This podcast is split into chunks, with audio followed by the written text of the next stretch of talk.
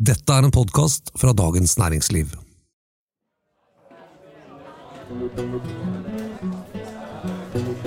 God morgen og velkommen til Frokost uten filter her fra DN-teltet under Arendalsuka. Eh, God morgen også til deg som ser dette på stream eller hører det på podkast. Jeg skal ha Frokost uten filter eh, hver morgen her tirsdag, onsdag og torsdag. Og jeg heter Fridtjof Jacobsen og er politisk redaktør i Dagens Næringsliv.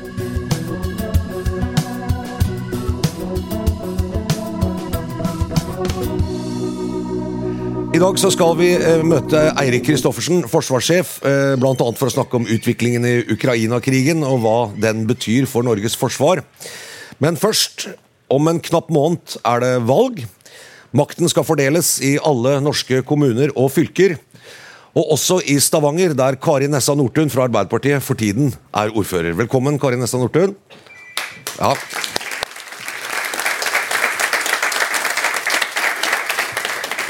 Er du ordfører til høsten? Ja. Og hvordan kan du være så sikker på det?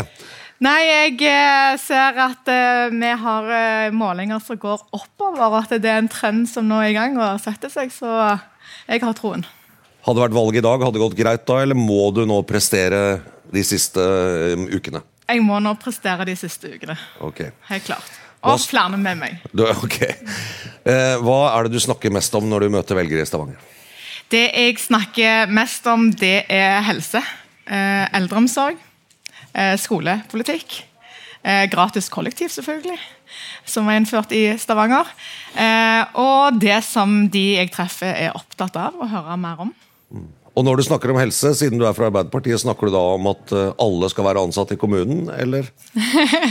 Jeg snakker om det om viktigheten av å ha gode helse- og omsorgstjenester i kommunen vår. Eh, og at folk skal få den hjelpen de trenger. At vi skal ha nok ansatte og god kompetanse i den omsorgen vi, vi gir folkene våre. Hvordan er den miksen i Stavanger i dag mellom privat og ideelt og offentlig i, i helse- og omsorgstjenestene? Eksempel I sykehjemmene våre så har vi da flere kommunale sykehjem. Eh, vi har òg flere private ideelle sykehjem som driver veldig godt, de òg. Eh, og så har vi ingen eh, kommersielle sykehjem lenger i Stavanger. Vi hadde det fram til sånn 2020. Mm. men de måtte kaste inn håndkle den gang, for var, de tjente ikke nok penger på den omsorgen de ga. Ok. Men likevel så må det bli bedre, er det det du sier? Ja, jeg tenker at vi, vi kan hele tiden jobbe for å bli bedre. Eh, det, det er mitt mantra. Eh, og jeg er ikke redd for å, for å gå i grøten på ting og finne ut av hva som ikke fungerer. For Det er bare sånn vi kan få gjort noe med det. Hvordan ser det ut på målingene hos dere? Høyre går jo frem i mange store byer. Er det sånn også i Stavanger? Ja, det er det i Stavanger òg, på målingene. Så, men det vi også ser er at eh, sist måling som Stavanger Aftenblad gjorde i forrige uke, eh, så var Stavanger Arbeiderparti hadde en måling på over 25 mm. Så det er jo gledelig når vi ser de andre tallene eh, på det nasjonale snittet. Men det er jo ikke nok. Så du ligger trygt foran Jonas, sånn personlig. Ja, Nå er det jo kommunevalg, vet du. Han, eh, Jonas er jo ikke på valg.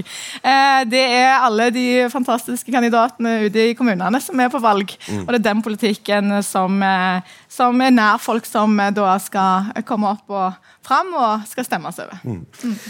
Du, eh, Stavanger, eh, energihovedstaden som dere kaller dere nå, men fortsatt selvfølgelig den olje, viktigste oljebyen i Norge. Eh, I går så var jeg på middag med Aker BP, og de fortalte jo om hvordan, hvor mange milliarder kroner de skal bruke på å utvikle eh, nye oljefelt og modernisere oljefelt. Voldsom aktivitet, både i selve ute på sokkelen og selvfølgelig i all leverandørindustri. Så da er vel folk i Stavanger ganske fornøyd?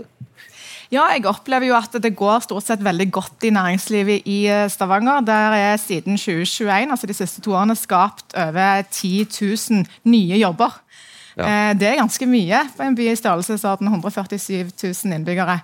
I tillegg til nabokommunene også, som et felles bo- og arbeidsmarked, så betyr det veldig mye mer flere jobber til folk. Eh, og, men det betyr jo også, og mange av de er i privat sektor.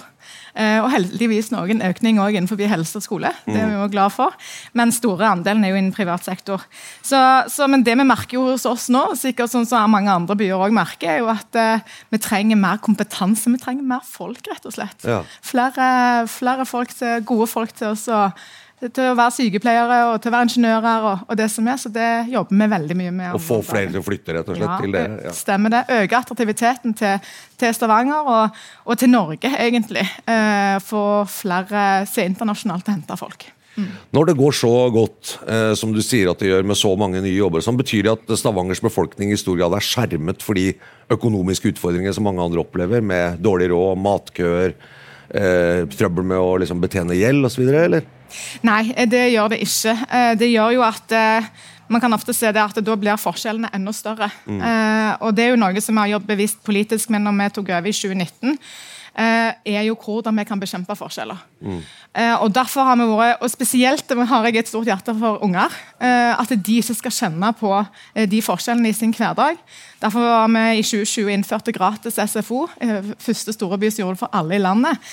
nei, alle unger, uansett hvor de bor i byen. Alle fem- og seksåringer skal ha tilgang til det viktige fellesskapet etter skolen. For å treffe vennene sine og være med på SFO har vært viktig for oss. Okay. Vi ruller ut gratis skolemat nå. for Vi har vært hørt fra erfaringene i Sverige hvor viktig skolemåltid faktisk er for unger. At de spiser mer i levekårsutsatte bydeler i Sverige på mandager og fredager enn ellers i uka. Så okay. de må kjøre ut mer mat. Og jeg tror ikke liksom tilstanden er så veldig annerledes i Norge, og heller ikke i Stavanger.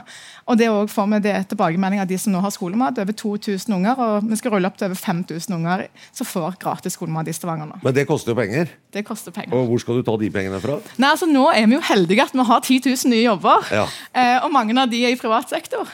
Eh, der vet vi at lønningene er ganske greie, eh, og det gjør at vi får økte skatteinntekter. Ja. Eh, og så er vi en by som faktisk vokser.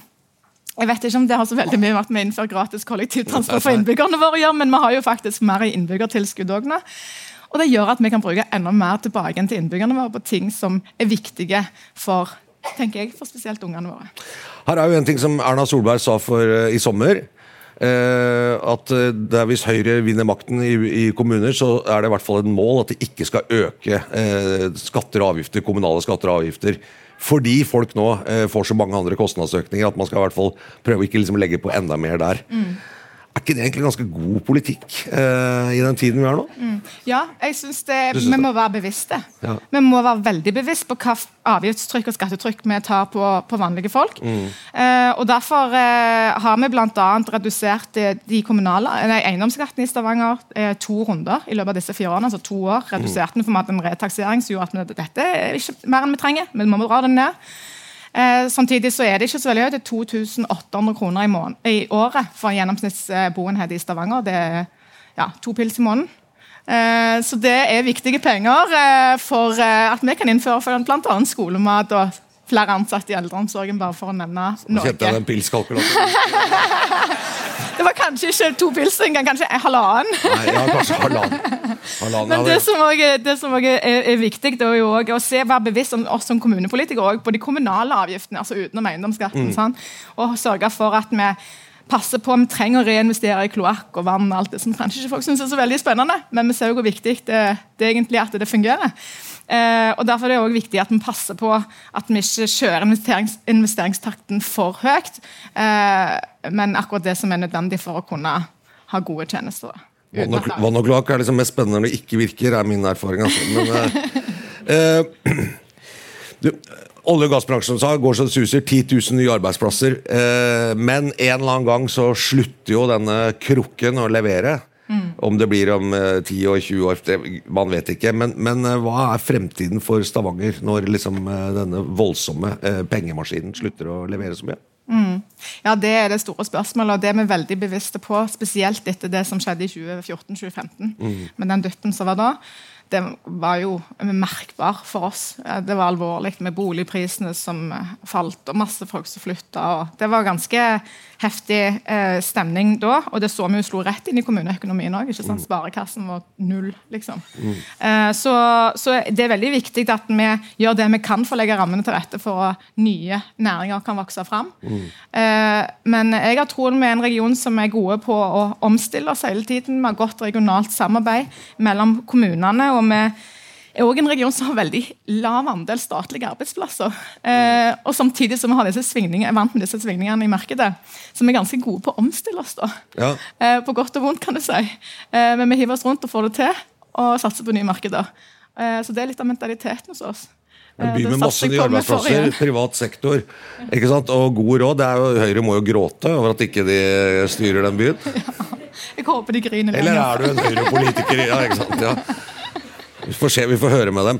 Eh, altså, energipolitikk. Eh, da vi var med Arendalsuka i fjor, så kokte det jo voldsomt rundt strømpriser og energipolitikk osv. Det er jo fortsatt litt eh, eh, saft igjen i denne debatten nå med, med denne elektrifiseringen av Melkøya.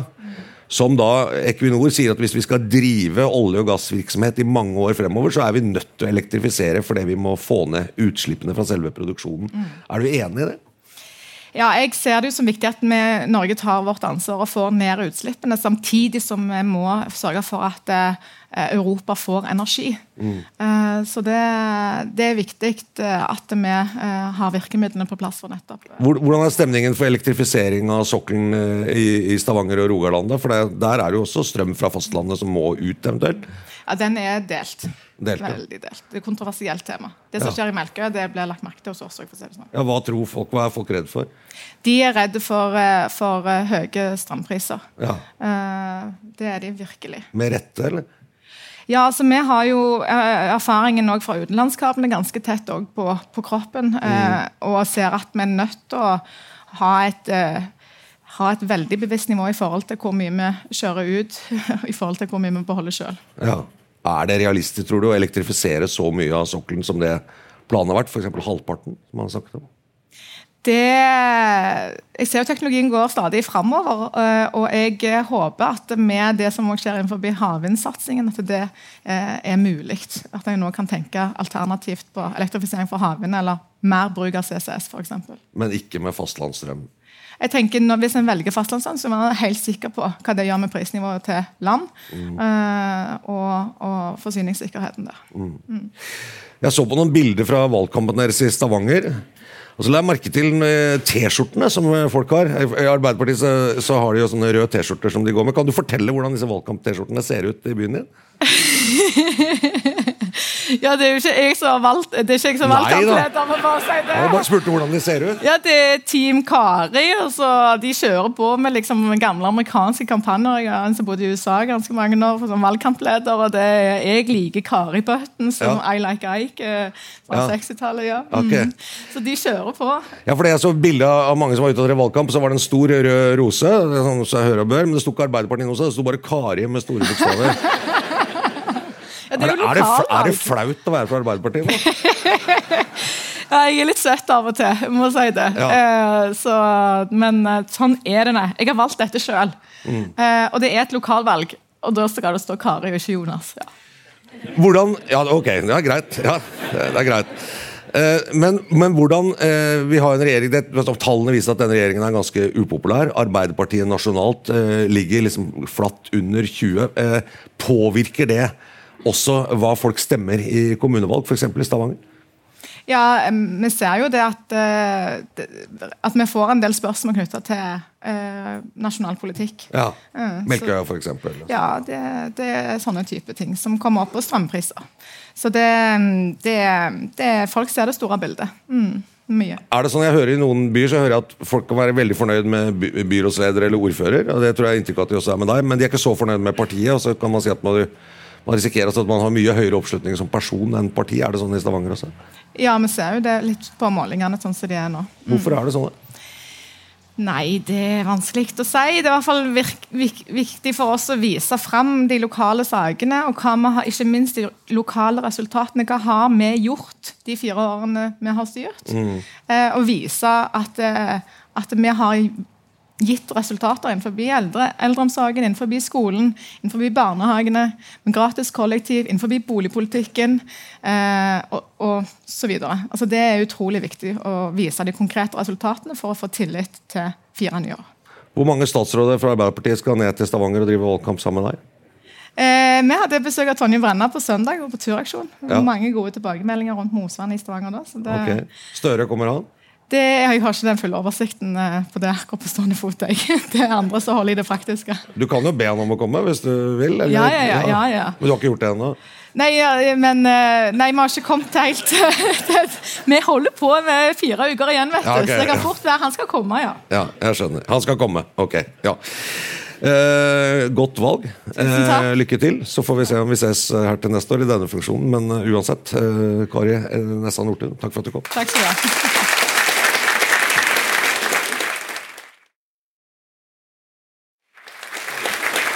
Da ønsker jeg velkommen forsvarssjef eh, og general Eirik Kristoffersen. Da klapper for han òg, ja.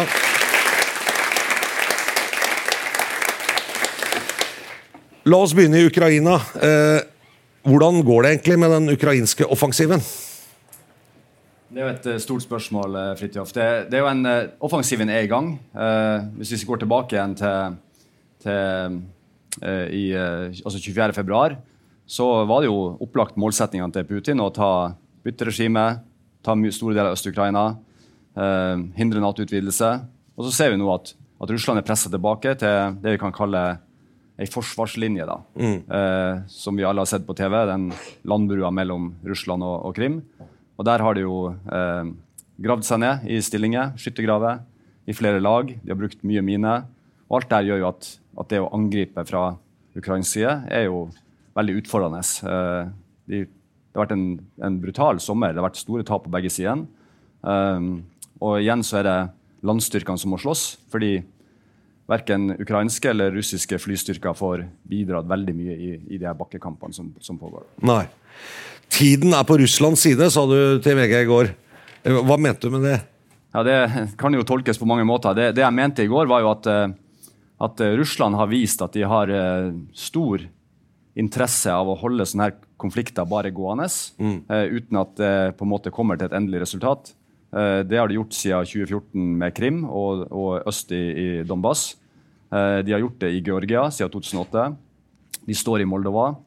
Så for Russland så vil det at krigen varer lenge, uten noe, noe endelig resultat da, militært, Ja. vil tjene dem. Eh, og så vet vi samtidig, og det er argumentet mot, at det å invadere et land er sjelden en god idé, som også sa i går.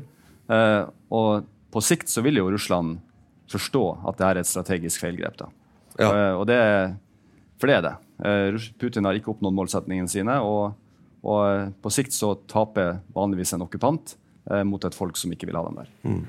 Det å bryte gjennom sånne forsvarslinjer er- er- finnes, Det må jo finnes liksom militær kunnskap og ikke det man lærer liksom, på krigsskolen og andre steder hvordan man gjør det? Hva, hva er det som er den avgjørende innsatsfaktoren for å bryte gjennom sånne linjer med miner og mange lag osv.?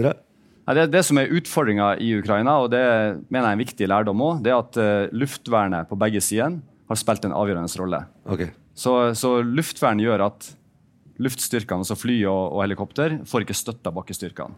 Når de da ikke får støtte fra lufta, så eh, havner du på bakken. da, og Da er du nede på det vi kaller taktiske operasjoner. Ja. Der du må bryte gjennom stillinger med å rydde minefelt. Du må bruke eh, tungt utstyr, eh, både artilleri for å bekjempe fienden, og så må du etter hvert bryte gjennom det her. Det som er utfordringa for Ukraina, er jo at hvis de får et sånn gjennombrudd som vi kunne tenke oss eh, i en sånn våroffensiv eller sommeroffensiv, Ja.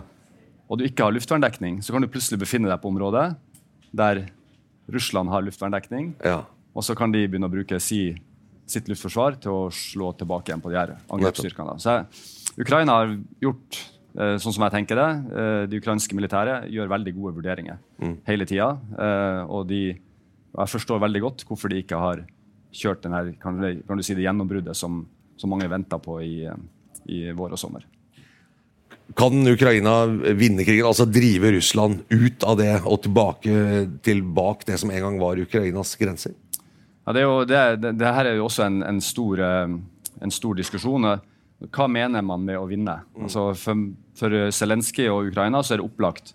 Det er, Russlands, altså det er Ukraina som det var før 2014. Krigen har pågått siden 2014, det må vi heller ikke glemme. Og målet til Zelenskyj er selvfølgelig å ta tilbake hele sitt eh, territorium. Um, det kommer til å ta tid, for da inkluderer vi også Krim. Da må vi også støtt, eh, trappe opp støtten betydelig.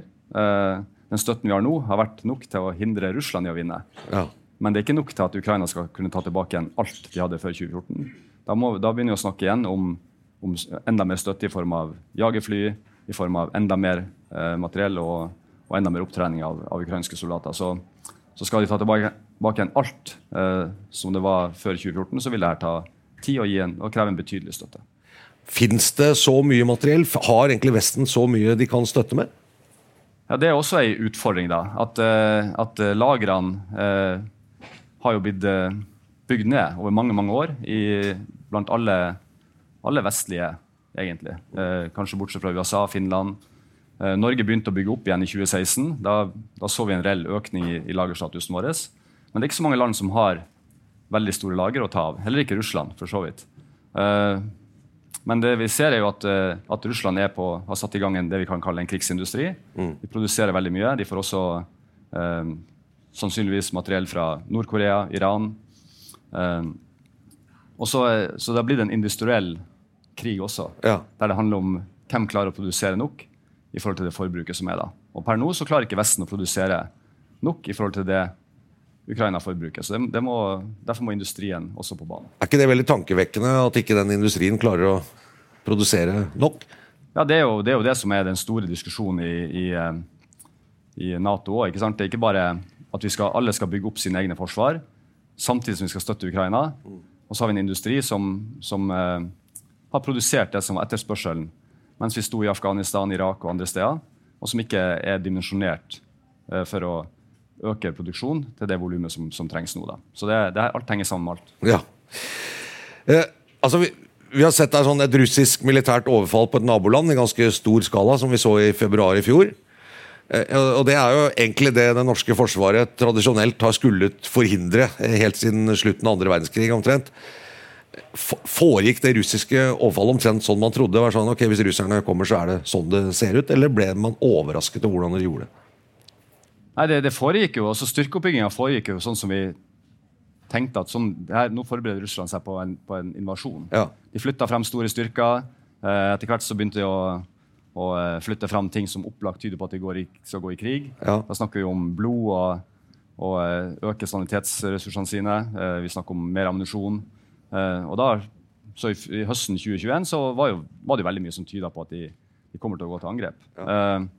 Eh, og Det er en sånn styrkeoppbygging eh, man kunne se for seg utenfor Norge eller, eller, Finland i et angrep uh, mm. på, på, på våre land. Men, uh, men, samtidig så har jo Russland vært heldigvis mye dårligere militært enn det vi kunne frykte. da. Mm.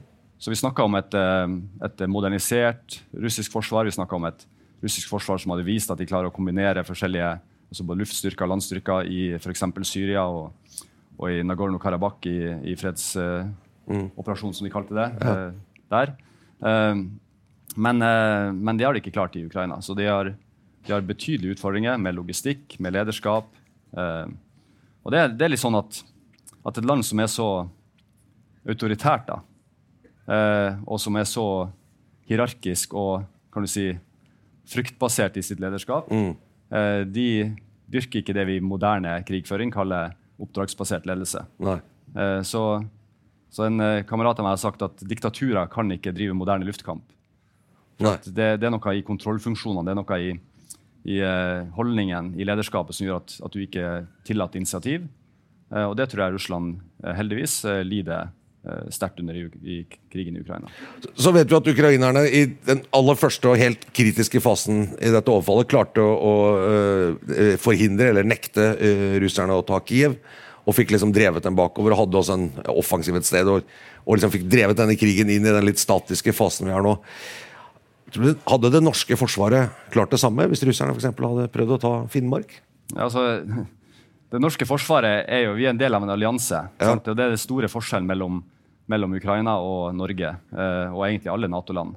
Nato versus Russland er, et ganske, er ganske i favør av Nato, mm. eh, sånn militært. Eh, så så hadde Nato gått inn i Ukraina i den tida du snakka om i starten av krigen, så hadde det jo vært en veldig, veldig vanskelig for Russland å oppnå okay. noe som helst. Ja. Så, så, Norge vi har et norsk forsvar, vi er en medlem av en allianse, vi har bilaterale forhold. Så summen av det her er jo er jo det som skal forsvare alliansen. Eh, og det er jo poenget med å være medlem av, av også nå. Nei, jeg bare, nå spør jeg, for det, sant, Som forsvarssjef så ser du ok, her er det et russisk overfall, her er det et svar, her er et militært, sånn foregår det.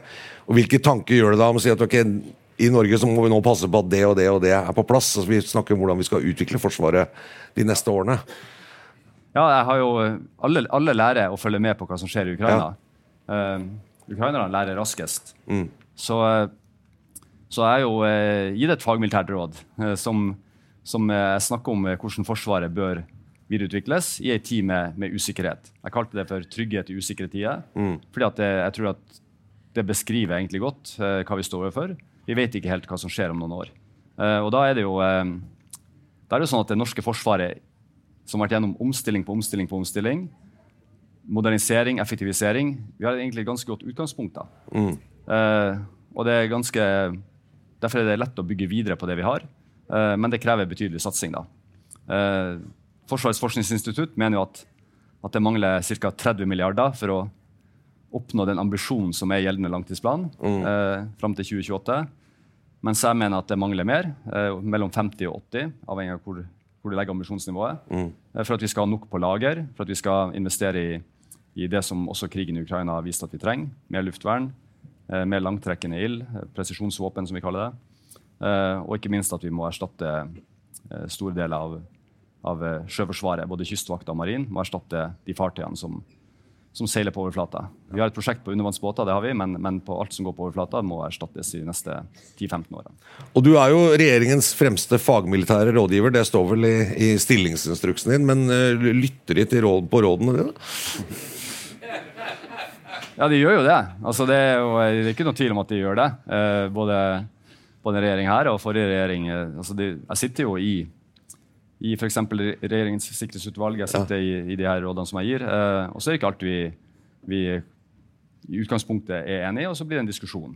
Mm. Og så finner vi frem gode løsninger. da.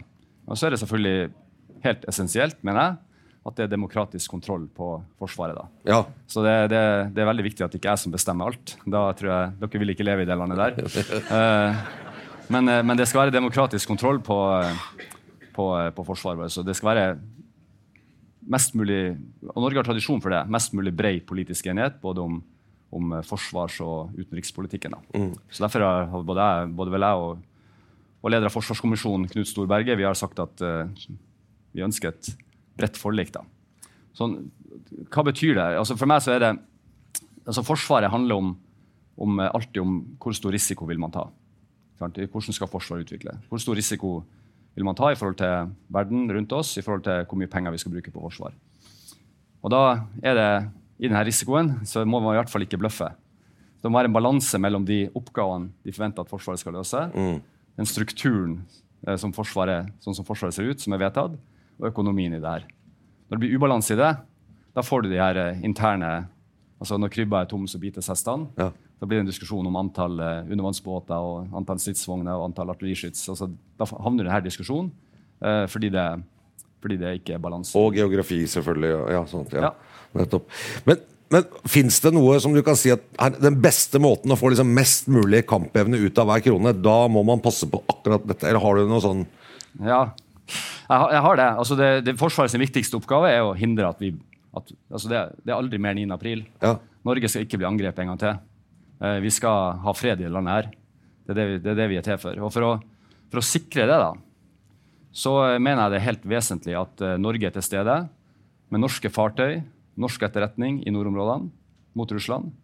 Det er helt vesentlig at vi har norske soldater eh, i, i, øst og, og, lengst mot grensa til, til, Russland. Og vi må ha norske fly som kan patruljere havområdene og være til stede og, og håndheve luftrommet i nord. Mm. Så, så, det at det er norsk Eh, at vi har norske kapasiteter som er til stede lengst eh, i nord og mot Russland, er helt vesentlig. Hvis ikke vi er der, så vil andre allierte komme og fylle det vakuumet. Og da har ikke de den samme historien, den samme nærheten til naboen som vi har. Så for å sikre både vår innflytelse i Nato, men også for at vi skal gjøre vår del av, av det som Nato forventer av oss, så må vi satse eh, der, vi, der, vi, er nærmest eh, Eh, naboen i øst. Og det, og det er det som på en måte ruller og går hele tiden, eh, uavhengig om det er krig eller ikke, om du sier patruljering med fly, nærvær på sjøen Ja. og bidrag til, eh, ja, til alliansestyrker, f.eks. i Litauen eller alle andre steder. ikke sant? Ja. Ja, så, vi, så Enkelt sagt, artikkel 3. Hvert enkelt land skal ha et forsvar som er i stand til å forsvare seg sjøl. Eh, artikkel 5. Alle skal også være i stand til å bidra til alliansen som helhet. Så vi må, denne balansen må vi ha, der vi hele tida har et forsvar, nasjonalt forsvar eh, som kan eh, passe av oppgavene vi har, både i fred, og i krise og i krig. Eh, samtidig som vi skal ha et forsvar som kan bidra til allierte hvis de trenger det, og som gjør også at vi får alliert støtte når vi trenger det. Og har vi det i dag? Nei, vi har jo ikke det. Eh, Når kan vi få det? Vi har jo det. Altså det vi, har jo, vi, vi, er, vi er med i Litauen. Ja. Vi er til stede i nord. Eh, men, eh, men det som er som jeg mener trengs, vi trenger opplagt å satse på de punktene jeg har sagt. Og så trenger vi også å øke volumet. Takk skal du ha, Erik Kristoffersen. Det var det vi rakk. Ja, takk.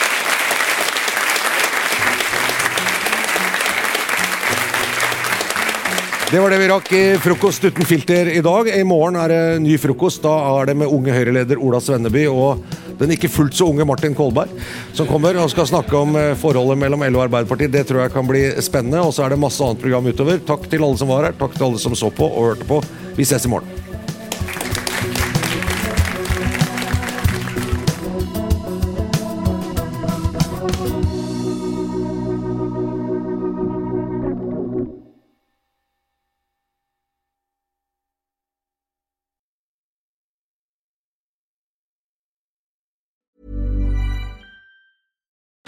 Join us today during the Jeep Celebration event. Right now, get 20% below MSRP for an average of 15178 under MSRP on the purchase of a 2023 Jeep Grand Cherokee Overland 4xE or Summit 4xE. Not compatible with lease offers or with any other consumer incentive offers. 15,178 average based on 20% below average MSRP from all 2023 Grand Cherokee Overland 4xE and Summit 4xE models in dealer stock. Residency restrictions apply. Take retail delivery from dealer stock by 4 1. Jeep is a registered trademark. Du har nå hørt en podkast fra Dagens Næringsliv.